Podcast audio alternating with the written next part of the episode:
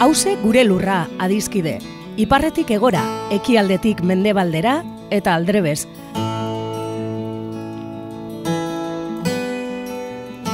Lurra bakarra dugu edo gaituen lur bakarra da hause. Eta zaintzat dan hori dagokigunez, hemen horretaz egingo dugu berba. Lurraren zaintza kontu ekonomiko, ekologiko eta politikoa da, baita kulturala, kolektiboa eta publikoa.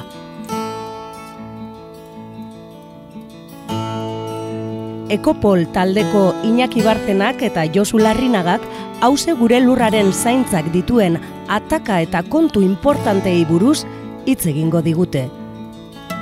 Lurrosoaren erasoak ezin garaitu zezakeen hiri bat ikusi nuen. Entzuleok eh, agurtardi Bilbo hiri irratian gaude, hause gure lurra irratza joan, podcastean, ekopoleko lagunok eh, egiten dugu irratzaio hau eta gaur eh, Iñaki Barzena, ekopoleko kidea, e, zientzia politikoetako irakaslea EHUN, e, Iñaki zer daukagu gaur? Iza zaintzen ikasi, bi edo hiru irratzaio sorta egin nahi ditut honen inguruan, eta gaur lehenengoa egin nahi dut onjoen inguruan. Onjoak bizitzaren sare iskutua, ekarri dut liburu hau oso interesgarria, eta bueno, ba, beti esaten digute ekologistak eh, berritxarrak e, dakartzagula, ez? baina bueno, berri honak ere bai sor ditzakegu, ez? Eta irratzaio honetan, ba, nolabait ekologia eta beste zientzietatik, e, zientzia naturalak edo gizarte zientzietatik ere bai, biak e, ustartuz, ez? Ba, nolabait datuak eta teoriak eta osnarketak eta erakuspenak be bai batu eta ikasi eta irakaspenak e, sozializatu nahi ditugu, ez? Orduan, bueno, ba, gero eta gehiago itzaldietan, e, idazkietan, ba, kolapso eta bizitza balditzen txarratze egoera honetan, e, bueno, nola egin e, aurre egoera honi, ez?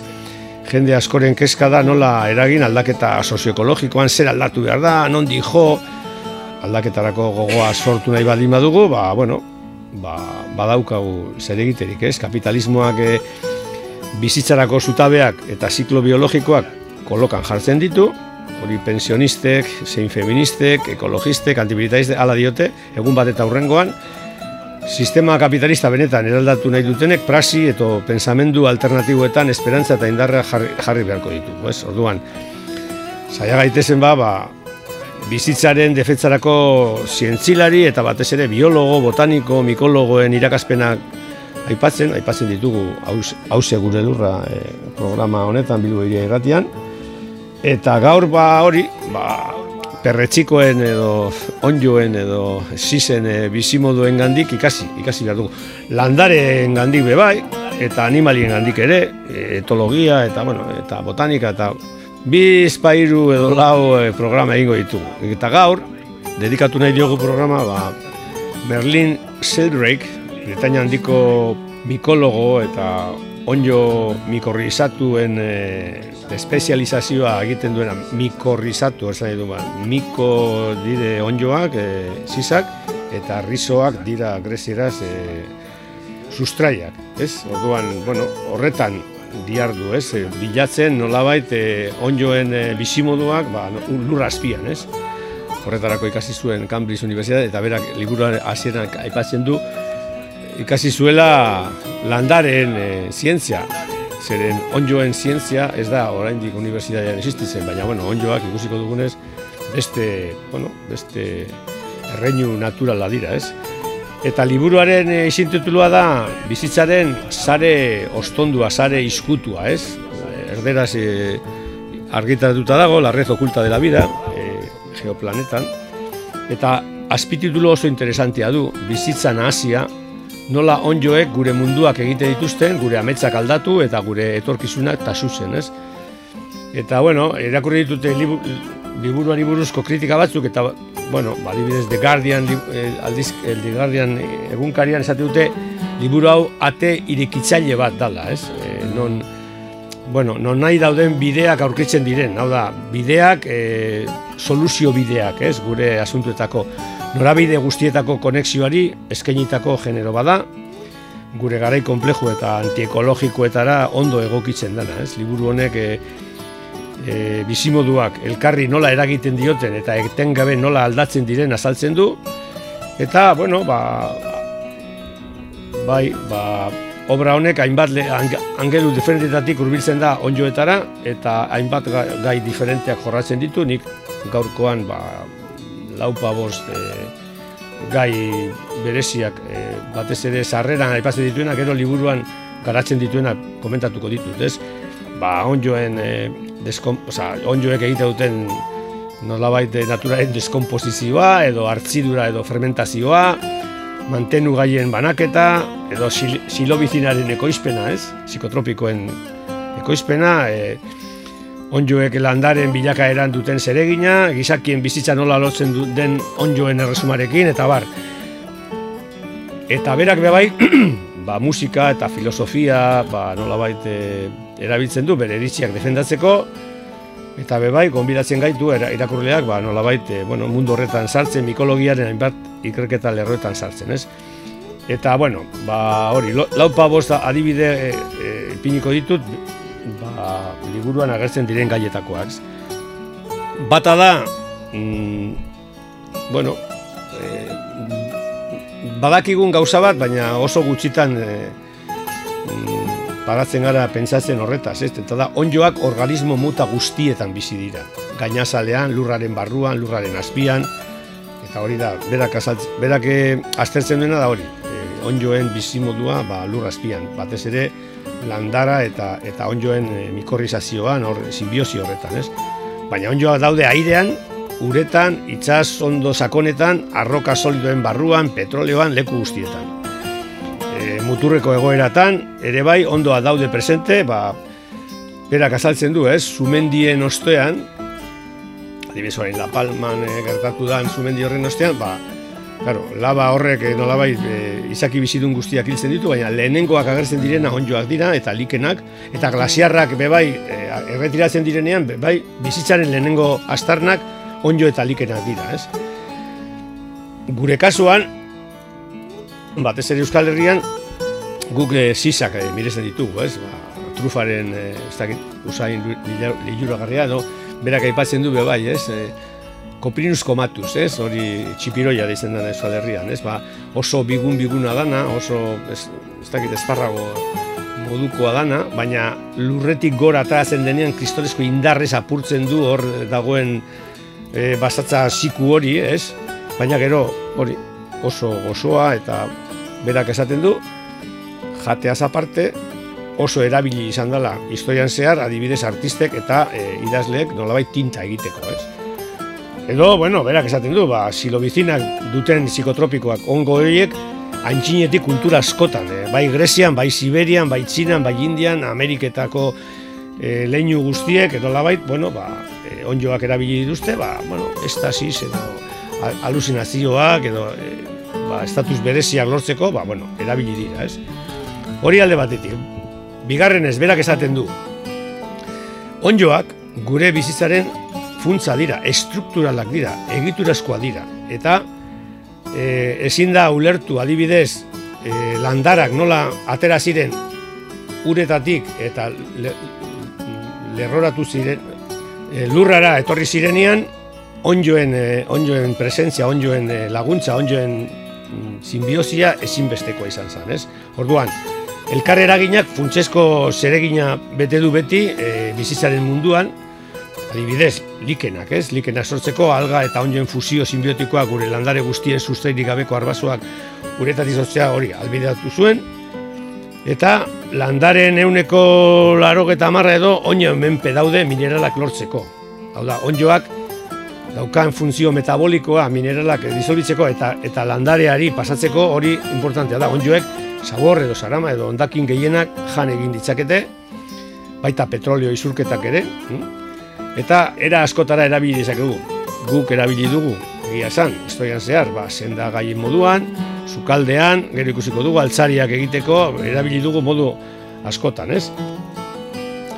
Eta Margulisek esaten duen bezala, Margulis, Luis Margulis e, mikrobiologoak esaten zuen e, bost, osea, guk txikitan niko goratzen dut, ez? Gu mundu naturalan ziren e, vegetalak eta animalak, ez? Besterik ez. Eta gero konturatu gara, ba, onjoak daudela, eta margulik esaten du, bebai, prokariotat eta eukariotak ere bai existitzen dira eta diferenteak direla, ez? Bueno, ba, tasonomia horretan, onjoak ditugu, eta onjoak daude batzuk mikroskopikoak direna, adibidez gure zabelean ditugunak, edo gure esteetan, eta gero mm, Melvin Sheldrake honek esaten du munduan existitzen diren izaki bizidun handienak onjoak direla, edo likenak, ez? Onjoak kasu honetan, ba, Oregon aldean badago armilaria, armilaria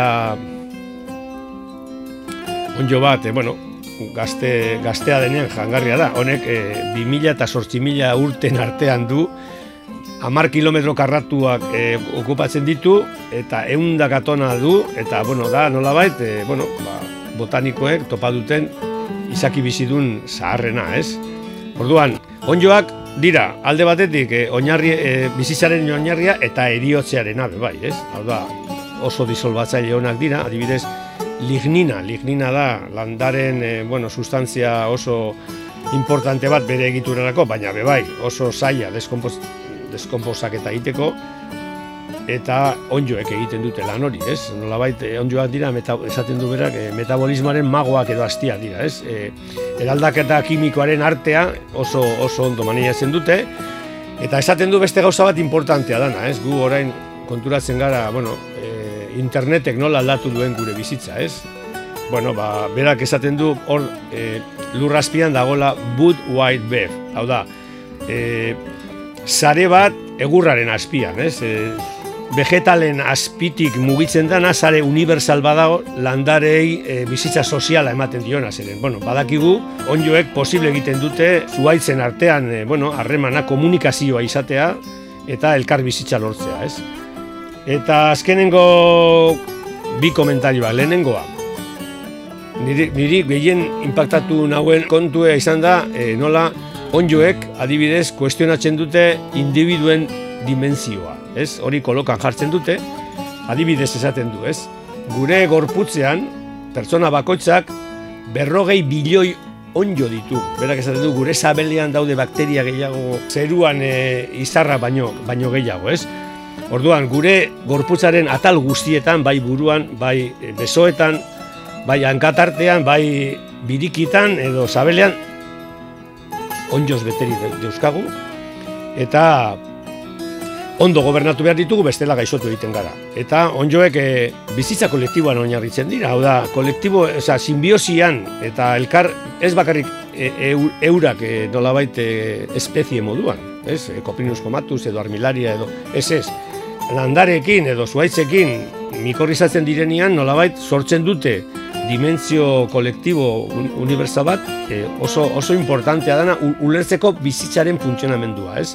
Eh, enaz luzatuko, ba, penicilina azken baten, eh, Alexander Flemingen eh, aurkikuntza, ba, eh, onjo batetik atea da, eta eta legamia batetik, baina, bueno, berdin, eh, taxol edo ziklosporina, edo beste, beste erabilera asko daude medikuntzan, industrian ere, plastikoak egiteko, eta nola ez, ba, adibidez, eh, gizakio sortzen dituguniz, eh, bueno, kutsadura, eh, industrialetan, bai, bai, e, onjoak erabiltzen dira hori nolabait e, konpondu ahal izateko.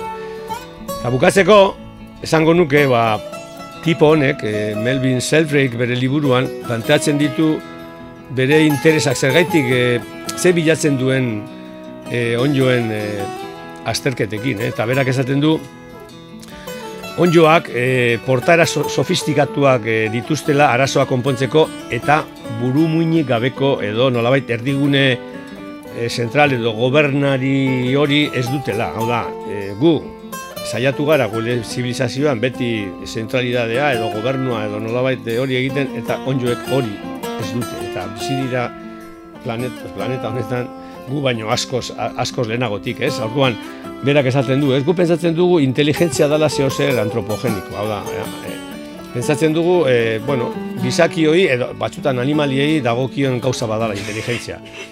Berak esaten du, onjoek, eta erakusten ditu, e, hainbat e, adibidekin, erabakiak hartzen dituzte, e, janariaren bidean asmatzeko, eta e, egin dira hainbat e, ikerketa eta hainbat ba, zera, esperimentu nun ikusten dan, ba, onjoek e, aldute. E, bai, adibidez, argiaren bila, edo eletiziaren bila, edo janariaren bila joateko, aldute erabaki nondi joan azkarrago, edo nondi joan errezago, eta ba. Eta bigarrenez, berak esaten du, e, guk, gizakiok, pentsatu behar dugu ze, zer daukagu izaki mikroskopiko hauetan ikasteko, ez? E, gure bizitzaren parte dira, eta gure bizitzaren zaintzarako referentzia izan daitezke baita ere, ez? E, berak esaten du asko du, dugula e, ikasteko, orain berak esaten du onjoen euneko larogeta marra ez dala e, puntu izkutu edo, edo ilun edo ez ezagun batean dagoela, oraindik ez dugu ezagutzen onjoen euneko larogeta marra, eta, bueno, ba, agian zeo zer ikas dezakegu horretaz. Eta bigarren esaten du natura eta kultura, e, onjoek erakutsi digute natura eta kultura ez daudela separaturik, eta birkonsidera edo biraster behar dugula e, gure kulturaren konzeptu eta nozioak. Berak esaten du nortasuna, autonomia, independentzia, igual onjoen portaerak eta onjoen bizitza ezagutzen igual aldatuko dugula perspektibatik, ez? Ezagutu behar ditugu gure erlazioak, gure gorputzak eta gure bisilekuak, bebai, ba, bizitza zaintzeko eta onjoen, e, onjoek azgian lagun honak izango dira lagunduko digute ba, nolabait e, bizitzaren zaintza hori. Hori da. Honen gandik ikasi duguna eta nire ustez oso oso ikasbide polita da. Ezkerrik asko inaki, bai, ba, esan dezagun e, mundu berri bat e, zabaldu diguzula nora bai. Nire karri digo gora, e, liburuaren titula be bai, ez da, e, bizitzaren e, sare eskutua edo, hor dago filo kapra e, fizikoaren, e, fiziko eta oiztaren e, liburu importante bade bai, e, bizitzaren bilbea, ez da, e, ba, la trama de la vida dago itzulita ingeleseko originala, berak ere nolabait Lovelock eta Margulis eta e, hoien lanak e, oinarrean hartuta hori planteatzen du, ezta? Azkenean e, eta nik uste dute oroar gaur egun ekologismoaren inguruan egiten den pensamenduan eta bebai Batiz Morizot, orain dela gutxe aipatu genuen e, filosof frantziarrak eta planteatzen dute hain zuzen ere hori bizitzaren komplejotasuna guringuruan bizirik eta hori eta nolabait autonomoa baina aldi berean integratua edo saretua bilbetua e, horrela bizi garela, e, hori dela azkenean e, bizitzaren e, e, azalpena nola baita, ezta? Bizi gara, e, ba, bilbe edo sare konplezu horretan e, txertatuta e, gaudelako, eta in zuzen ere nola baita, zare edo bilbe horretatik kanpo edo horren gainean agindu aldugula e, pensatzeak e, ekarri gaitu gauden e, ataka zibilizazionalera, ezta, edo ataka importante honetara eta bueno, zentsu horretan e, ba, oso oso interesgarria da, ba, hain zuzen ere, gero adibidez hemen Euskal Herrian kulturalki hain errotuta dauden e, onjo eta zizene mundu horretan e, askotan mikologoek ondino deitzen dutena kaosaren erresuma ez da, hori gutxi ezagutzen dugulako, beste ba, bueno, beste tasonomia batzuekin konparatuta, animalien erresumarekin edo landaren erresumarekin hain gutxe ezagutzen dugun horretan hain zuzen ere e, erakusten digula gure bizimodua txertatuta dagoen e, bizitzaren e, komplezotasun hori ez da hori ulertu behar dugula eta nolabait humiltasunez ere onartu behar dugula hor txertatuta gaudela eta eta hortik kanpo ez dagoela bizitzari. Ba, ba bai, ez dut aipatu, baina orain zure hitzekin gogoratu dut badago beste dimentsio bat, badirudi, bueno, e, e, gure zibilizazioan, ba, batez ere mendebaldeko zibilizazioan, ez? Sortu den eredu, individuen eredua da, hori, hauek, e, Jaio Herrero eta Amaia Perez Orozko eta feministek ez dute BBVA gizona, ez? E, beraz, blanco, burgués, baron, autónomo, ez? E, nolabait, autosuficiente.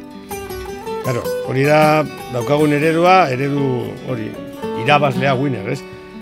Nik esango nuke, bueno, igual hori izan behar digo, bueno, pentsatu bebai, bakarrik eh, homo ekonomikus hori, ez? E, ba, bueno, bueno, igual interesatzen zaie, baina e, ekonomikoki onjoen, onjoen industria gero eta importanteagoa da, gero eta ekonomia gehiago sortzen da, eta ekonomia lokalak ere bai, ekonomia moto oskotakoak, ez? Bai nazioarteko hori beste e, irratzaio baten komentatuko dugu, badago beste liburu oso interesante bat, e,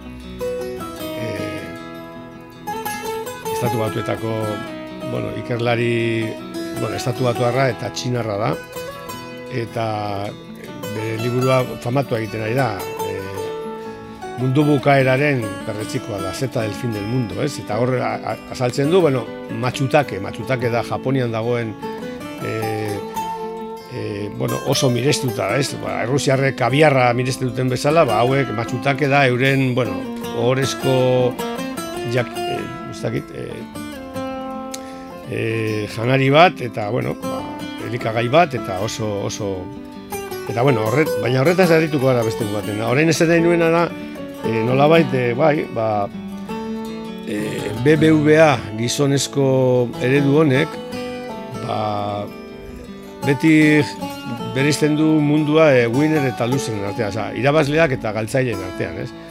Eta nire ustez hori, pff, bueno, eta gaina hori modu oso simplistan eta oso, bueno, pertsonai e, batzuk dira irabazleak eta beste gehienak bueno, munduaren e, biztanleriaren euneko larok eta ma, hori, bo, bo, bo esaten zuena, ez, euneko biak dana agintzen du, dana aldapurtzen du, eta euneko larok eta mazortzia gaude hemen euren azpian, ez.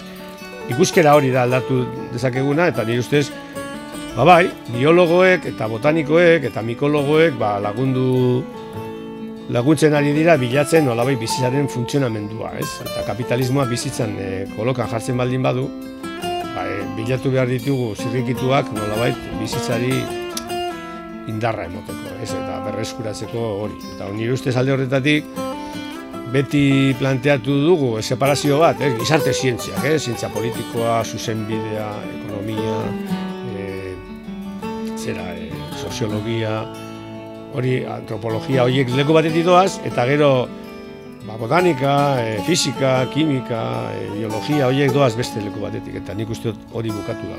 Ez hori bukatu da, eta nolabait e, e, zientzien eskontza beharrezkoa dugu, eta zientzialari naturalekin lan egin behar dugu mundua eta bizitza defendatzeko. Era bat ados Iñaki, bueno, e, podcast hauek e, tamaina iraunkor batean e, mantentzeko e, utzi beharko du gaur ere beste baterako motxilan gordeta e, bueno, horre aipatu dituzu hainbat e, ziza eta onjoen e, zera e, ahalmen e, lizergikoak, ez da, silotibeak, muskaria, e, bueno, horri buruz, e, orain dela gutxi gure e, lagun eta lankide izaro gorostidik idatzi du zeo zer e, e, politika lisergikoaren alde Raimundo Viejok planteatzen duen e, beste ezagun bat, ez da. Planteatzen duen kontu bat, beste baterako utziko dugu, e, baina bai e, e, azken e, kontutxo bat e, aipatu nahi nuke, e, hori koprinus komatuz e, e, zea, e, ziza mirezgarri hori aipatu duzu eta hori hori etorri zaite e, burura ez da e, gure inguruan bentsat e, koprinus e, komatuz hori askotan bide bastarretan e, e, agertzen da. Baina karo, zuzen ere bide bastarrak e, nolabait oso habitat e, arriskutsua delako ba, dinot, bakarrik e, e, bide, bast, bide hori apurtzoa zabaltzeko edo, ez, basoko bideetan eta, adinez, ba, hor ondea makina bat e, sartzen dutenean, pos, ondatzen dute hain zuzen ere, e, koprinus komatuzaren e, rizoma osoa eta horria ez da berriro e, koprinus komatuz topatzen, ez da beste leku batera joan behar duzu horren bila, esan nahi dut oso esan gure ditzen zait zelan alako prozeso suntzitzaile horietan, suntzitzen dela, e, pensatzen duguna eta ikusten duguna, baina askozaz gehiago galtzen dela e, prozeso horietan. Ba bai, bai, e, zelreik esaten bezala, e, gure lurra miselioz beterik daude, eta miselioak edo mikorriza horiek e, apurtzen ditugunean gure obrakin, ba, bueno, ba, onjoen garapena ba, eten egiten dugu, ez hori hori horrela da. Eta, bueno, ba, bai, e, bai, e, ikutuko ditugu, gai diferenteak, adibidez hori, e, ba, onjo psikotropikoak ere bai, bueno, interesantea dira, eta, bueno, baina onjoak be bai, erabiltzen dira, bueno, ba, industria gintzean, be bai, gauzak, e, bueno, material berria, plastiko berria egiteko, eta bar, eta bar, osea, dimentsio asko daude, gure bizitza, bueno, endekatua, ba, nola baita, artesteko edo. Edertu Iñaki, eta ze kanta ekarri duzu, honetarako? Bueno, ba, liburuan e, agertzen da e, pasarte baten, agertzen da Arlo Guziri, eta Arlo Guziriren e, kanta bat, e, zera, e, Alice Restaurant, berak ezagutzen du Alice Restaurant horren Massachusetts dago, eta, bueno, berak ezagutzen du hango jabea, ez dakiz zer, baina, karo, e, Arlo Guziriren kanta horrek e, amazazpe, mazotzi minutu ditu, eta guk e, hartu dugu beste kanta bat, oso kanta interesgarria, nolabait de Stephen Fosterren e, ba bueno, e, Stephen Foster mila sortzireun da berrogeta balauan e, idazitakoa Hard Times Come Again No More. Eta da kanta, bueno mm, esperantzakor bat, kanta bat e, nolabait e, ulertzeko bizitzaren errekuperazioa etor daitekela, ez? E, gauzak ez dira joan oso ondo, azkenengo amarka dauetan, baina, bueno, badago, badago nondik ateatzerik, eta hori da, Hard Times Come Again, No More, eta kantak esaten duen bukaeran, ba, ba bukaerako bertzoa da, e, garaio beak berriz etorriko dira. Ederto bat.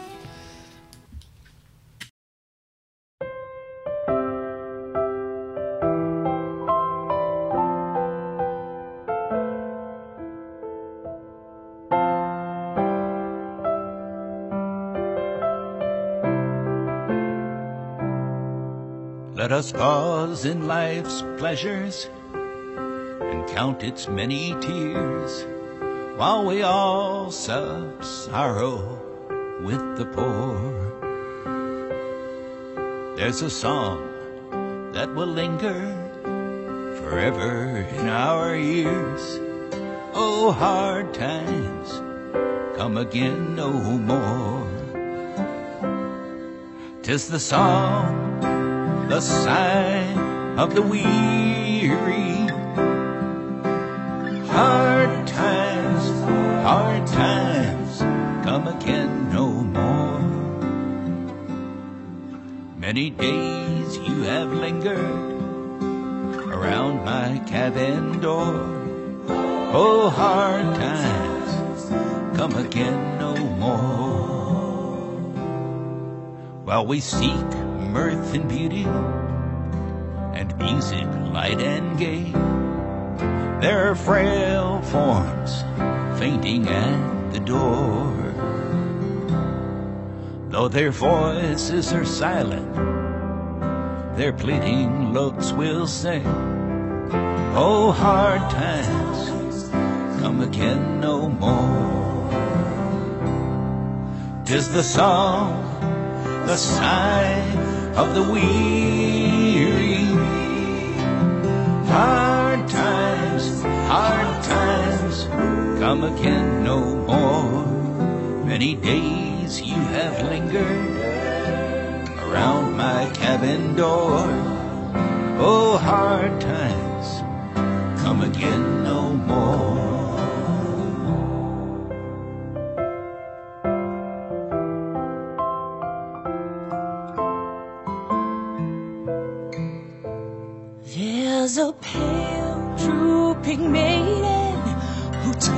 her life away with a warm heart whose better days are o'er.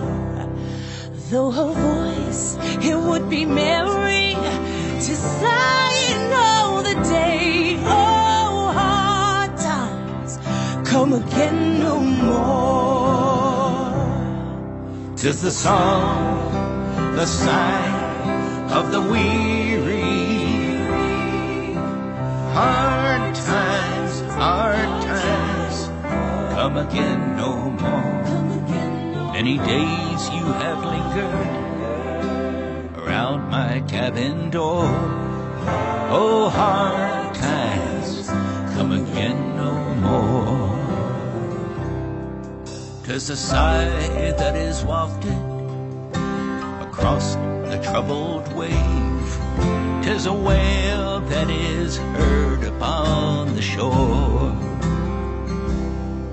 Tis a dirge that is murmured around the lowly grave. Oh, hard times come again no more. Tis a song, the sigh of the weary. Hard times, hard times come again no more. Many days you have lingered around my cabin door. Oh, hard times come again no more.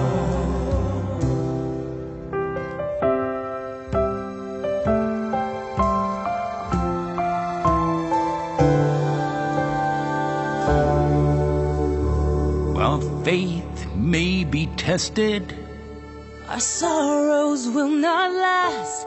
These are hard times and troubles we, We endure. endure. And it's good to be reminded That this too shall also pass. Oh, hard times come again no more.